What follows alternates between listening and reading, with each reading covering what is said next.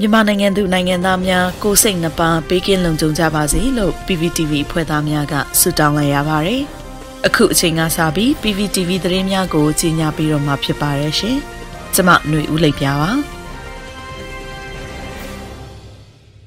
အခုပထမဆုံးအနေနဲ့ပြည်အောင်စုလွတ်တော်ကိုစားပြုကော်မတီ CRPH ကကြေညာချက်အမှတ်35မြင်းဆောင်2021ကို2021ခုနှစ်ဇူလိုင်29ရက်စွဲနဲ့ထုတ်ပြန်လိုက်ပြီး 2020ရွေးကောက်ပွဲရလဒ်ကိုတရားမဝင်သောအဖွဲ့အစည်းတစ်ခုကပယ်ဖျက်၍မရနိုင်ကြောင်းကြေညာလိုက်တဲ့သတင်းကိုတင်ဆက်ပေးမှာဖြစ်ပါတယ်။တရားမဝင်အာဏာသိမ်းစစ်တပ်ကဖွဲ့စည်းထားတဲ့ရွေးကောက်ပွဲကော်မရှင်အမိခံအဖွဲ့ရဲ့ထုတ်ပြန်ချက်ကဥပဒေနဲ့အကျုံးဝင်အာဏာမတက်ရောက်တဲ့အတွက်ရွေးကောက်ပွဲရလဒ်ကိုဖျက်သိမ်းလို့မရဘူးလို့ CRPH ကထုတ်ပြန်ကြေညာခဲ့တာပါ။2020ပြည့်နှစ်နိုဝင်ဘာ10ရက်နေ့ကကျင်းပခဲ့တဲ့ရွေးကောက်ပွဲကြီးရဲ့ရလဒ်ဟာ လွတ်လပ်ပြီးတရားမျှတစွာဥပဒေနဲ့အညီဆောင်ရွက်ခဲ့တယ်လို့ပြည်တွင်းပြည်ပရွေးကောက်ပွဲလေလာဆောင်ကြည့်တဲ့အဖွဲ့အစည်းတွေကအတည်ပြုထုတ်ပြန်ခဲ့ပြီးကဘာကလည်းအတိအမှတ်ပြုထားခဲ့ပါတယ်။အဲ့ဒီအတွက်အချုပ်အခြာအာဏာရဲ့မူလပိုင်ရှင်ဖြစ်တဲ့ပြည်သူတွေကရွေးကောက်တင်မြှောက်ထားတဲ့ပြည်သူအာဏာကိုလူတစုရဲ့တရားမဝင်အမိန့်ထုတ်ပြန်ရုံနဲ့ပယ်ဖျက်၍မရနိုင်ကြောင်းကြေညာချက်ထဲမှာထည့်သွင်းရေးထားထားပါတယ်။ CRPH အနေနဲ့ ပြည်သူတွေရဲ့ရွေးကောက်တင်မြှောက်အာဏာအနှင်းခံထားရတဲ့ပြည်သူကိုယ်စားလှယ်ကြီးတွေနဲ့အတူရက်တီးပြီးတာဝန်တွေကိုဆက်လက်ထမ်းဆောင်သွားမှာဖြစ်ကြောင်းစစ်အာဏာရှင်ကိုဆန့်ကျင်တဲ့ပြည်သူဘက်မှတစ္ဆာရှိစွာရက်တီးတဲ့အနိုင်ရပါတီကကိုယ်စားလှယ်တွေနဲ့၎င်းတတိပုဂ္ဂလကိုယ်စားလှယ်တွေနဲ့၎င်း Federal Democracy ပြည်ညင်နဲ့အညီပူးပေါင်းဆောင်ရွက်သွားမယ်လို့ဆိုပါတယ်။ဒါအပြင်ပြည်အောင်စုလွှတ်တော်ကိုစားပြုကော်မတီ CRPH အနေနဲ့ နိုင်ငံတကာပါလီမန်အသီးသီးနဲ့၎င်းပါလီမန်အစုအဖွဲ့တွေနဲ့၎င်းပါလီမန်ကိုယ်စားလှယ်အစုအဖွဲ့တွေနဲ့၎င်းတက်ကြွစွာပူးပေါင်းဆောင်ရွက်လျက်ရှိပြီးအနာဂတ် Federal Democracy နိုင်ငံတော်တည်ဆောက်ရေးအတွက်ဆက်လက်ဆောင်ရွက်သွားမယ်လို့လည်းပြည်သူကိုကတိပေးခဲ့ပါတယ်။ကြီးညာချက်ရဲ့နောက်ဆုံးအပိုင်မှာဘယ်နိုင်ငံကနေတရားဝင်အစိုးရလို့အတိအမှတ်ပြုတာမခံရတဲ့တရားမဝင်အာဏာသိမ်းစစ်ကောင်စီက ဖွဲ့စည်းထားတဲ့ရွေးကောက်ပွဲကော်မရှင်ဆိုတဲ့အဖွဲ့အစည်းရဲ့ထုတ်ပြန်ကြေညာချက်က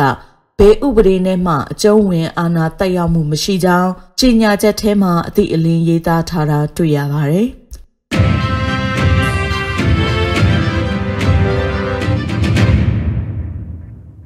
ဆလပီအရေးပေါ်ကိုဗစ်ကာလအပြည့်အခက်ရဲစဲရေးလှုပ်ဆောင်ဖို့မြန်မာနိုင်ငံဆိုင်ရာကုလအထူးကိုယ်စားလှယ် Tom Andrews က ဇူလိုင်လ29ရက်နေ့ကတောင်းဆိုခဲ့တဲ့သတင်းကို တင်ဆက်ပေးကြပါမယ်။မြန်မာနိုင်ငံမှာကိုဗစ်ရောဂါကြောင့်ကူးစက်သေးဆုံးမှုတွေမြင့်တက်နေတာတောင်အာနာသိန်းစံဖက်စစ်အုပ်စုကကျန်းမာရေးဝန်ထမ်းတွေအပေါ်ဖိနှိပ်တိုက်ခိုက်မှုတွေအရှိန်မြင့်လှုံ့ဆော်နေချိန်မှာအရေးပေါ်ကိုဗစ်ကာလအပြည့်အခက်ရဲစဲရေးလှုံ့ဆော်ဖို့မြန်မာနိုင်ငံဆိုင်ရာကုလအထူးကိုယ်စားလှယ် Tom Andrews ကဇူလိုင်လ29ရက်နေ့ကတောင်းဆိုလိုက်ပါတယ်။ မြန်မာနိုင်ငံမှာလူပေါင်းများစွာအသက်မဆုံးရှုံးသင့်ပဲဆုံးရှုံးရတဲ့အပြင်ကုလသမဂ္ဂကဘာမှမလုပ်ဆောင်ဘူးဆိုရင်နောက်ထပ်လူပေါင်းများစွာအသက်ဆုံးရှုံးရအောင်မယ်ဆိုးရွားနေတဲ့ကိုဗစ်အကျပ်အတဲကြားမှာစစ်အစိုးရရဲ့တိုက်ခိုက်မှုတွေနှောက်ယှက်မှုတွေနဲ့ဖမ်းဆီးချုပ်နှောင်မှုတွေရပ်သွားအောင်ကုလသမဂ္ဂကချက်ချင်းလှုပ်ဆောင်ရမယ်လို့သူကတတိပေးခဲ့ပါသေးတယ်။အာနာသိန်းအကြံဖက်စစ်အုပ်စုဟာအ ਨੇ ဆုံးလူပေါင်း930ကျော်ကိုတပ်ပစ်ခဲ့ပြီး လူပေါင်း9600ကိုလည်းကိုဗစ်ရောဂါကူးစက်နိုင်တဲ့အကျဉ်းထောင်တွေမှာမတရားဖမ်းဆီးထားတာကုလစည်းရင်းတွေအရပြိပခတွေကြောင့်အိုးအိမ်ဆွန့်ခွာထွက်ပြေးရသူ9,900ရှိတယ်လို့ဆိုပါတယ်။ပြိပခဖြစ်ပွားနေတဲ့နိုင်ငံတိုင်းမှာအပြစ်အခက်ရစရေးတောင်းဆိုမှုနဲ့ဆိုင်တဲ့ခိုင်မာတဲ့ဆုံးဖြတ်ချက်တရက်ကိုဖေဖော်ဝါရီလကကုလလုံခြုံရေးကောင်စီမှချမှတ်ခဲ့ပြီးဖြစ်တယ်။ဒါကြောင့်ကုလလုံခြုံရေးကောင်စီရဲ့ဆုံးဖြတ်ချက် 2565အရ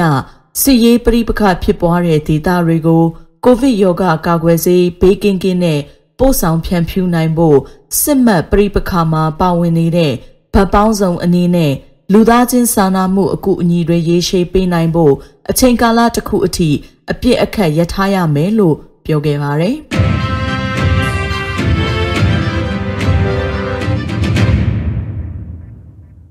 ဆက်လက်ပြီးကြီး Lloyd Austin ကအာနာသိန်းမြန်မာစစ်ကောင်းဆောင်တွေရဲ့လုပ်ရက်ကိုရှုံချပြောဆိုလိုက်ပြီးမြန်မာပြည်တွင်းပြည်ပခါတွေအဆုံးသတ်ရေးဆက်ပြီးဖိအားပေးတောင်းဆိုဖို့မြန်မာအဖွဲ့ဝင်ဖြစ်ပါဝင်တဲ့အာဆီယံကိုတိုက်တွန်းလိုက်တဲ့သတင်းကိုတင်ဆက်ပေးသွားမှာပါ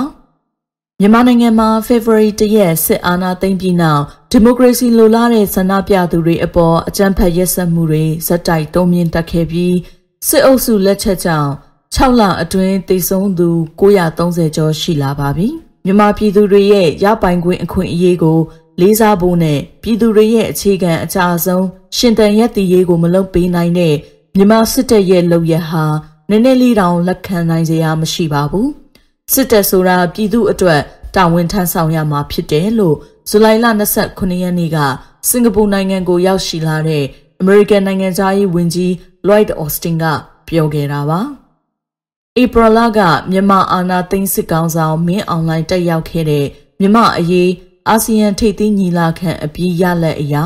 ပုံတဘောတူညီချက်၅ချက်အကောင့်အထည်ဖော်ပြီးအာဆီယံအနေနဲ့မြန်မာနိုင်ငံရေးအချက်အတဲကိုအားထုတ်ဖြည့်ရှင်းဖို့အော်စတင်ကတောင်းဆိုခဲ့ပါတယ်။အော်စတင်ဟာကာကွယ်ရေးဝန်ကြီးယာဒူးနဲ့ဒုတိယမြောက်အရှေ့တောင်အာရှခီးစဉ်ထွက်ခွာလာတာဖြစ်ပြီးစင်ကာပူကနေတဆင့်ဗီယက်နမ်နဲ့ဖိလစ်ပိုင်ကိုဆက်သွားမှာဖြစ်ပါတယ်။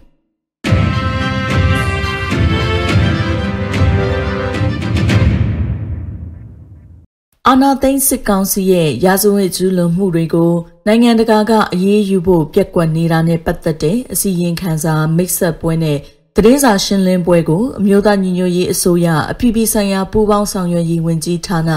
ပြည်အောင်စုဝန်ကြီးဒေါက်တာဆဆာတက်ရောက်မဲ့သတင်းကိုဆက်လက်တင်ဆက်ပေးပါမယ်။မြန်မာအာဏာသိမ်းစစ်ကောင်စီကလူသားမျိုးနွယ်အပေါ်ဆန့်ကျင်တဲ့ရာဇဝတ်မှုတွေကိုမိမိတို့ရှေ့မှောက်ကျူးလွန်နေချိန်မှာ အပြည်ပြည်ဆိုင်ရာအဖွဲ့အစည်းတွေကအရေးယူဖို့ပြက်ကွက်နေတဲ့ဆိုတဲ့ခေါင်းစဉ်နဲ့အစီရင်ခံစာမိတ်ဆက်ပွဲနဲ့သတင်းစာရှင်းလင်းပွဲတစ်ခုကိုမြမလူအခွင့်အရေးကွန်ယန် Burma Human Rights Network BHRN ရဲ့အစီအစဉ်နဲ့ပြုလုပ်သွားမှာဖြစ်ပြီးမနက်ဖြန်ဇူလိုင်လ29ရက်နေ့ဘန်ကောက်စံကြောချင်းနေ့လယ်10:00နာရီမှာစတင်ကျင်းပသွားမယ်လို့သိရပါတယ်။ အဲ့ဒီပွဲကိုအမျိုးသားညီညွတ်ရေးအစိုးရအပြည်ပြည်ဆိုင်ရာပူးပေါင်းဆောင်ရွက်ရေးဝန်ကြီးဌာနပြည်အောင်စုဝန်ကြီးဒေါက်တာဆဆာမြမလူအခွင့်အရေးကွန်ရက် BHRN ရဲ့အမှုဆောင်ဒါရိုက်တာဦးကျော်ဝင်းအပြင်ကဘာရာဇဝတ်မှုတရားစီရင်ရေးဆိုင်ရာတန်တမန်အကြီးအကဲလက်ရှိမြန်မာနိုင်ငံအခြေအနေကိုသတင်းရယူနေတဲ့သတင်းစာဆရာဥပဒေရေးရာအကြံပေးစတဲ့ပုံကိုယ်တွေပါဝင်တက်ရောက်ကြမှာဖြစ်ပါတယ်။အစီအစဉ်တိုက်ရိုက်တင်ဆက်မှုကို Foreign Correspondent Club Thailand FCCT ရဲ့ Facebook စာမျက်နှာမှာကြည့်ရှုနိုင်တယ်လို့သိရပါတယ်ရှင်။ရေတော်ဘုံအောင်ရမည်ရေတော်ဘုံအောင်ရမည်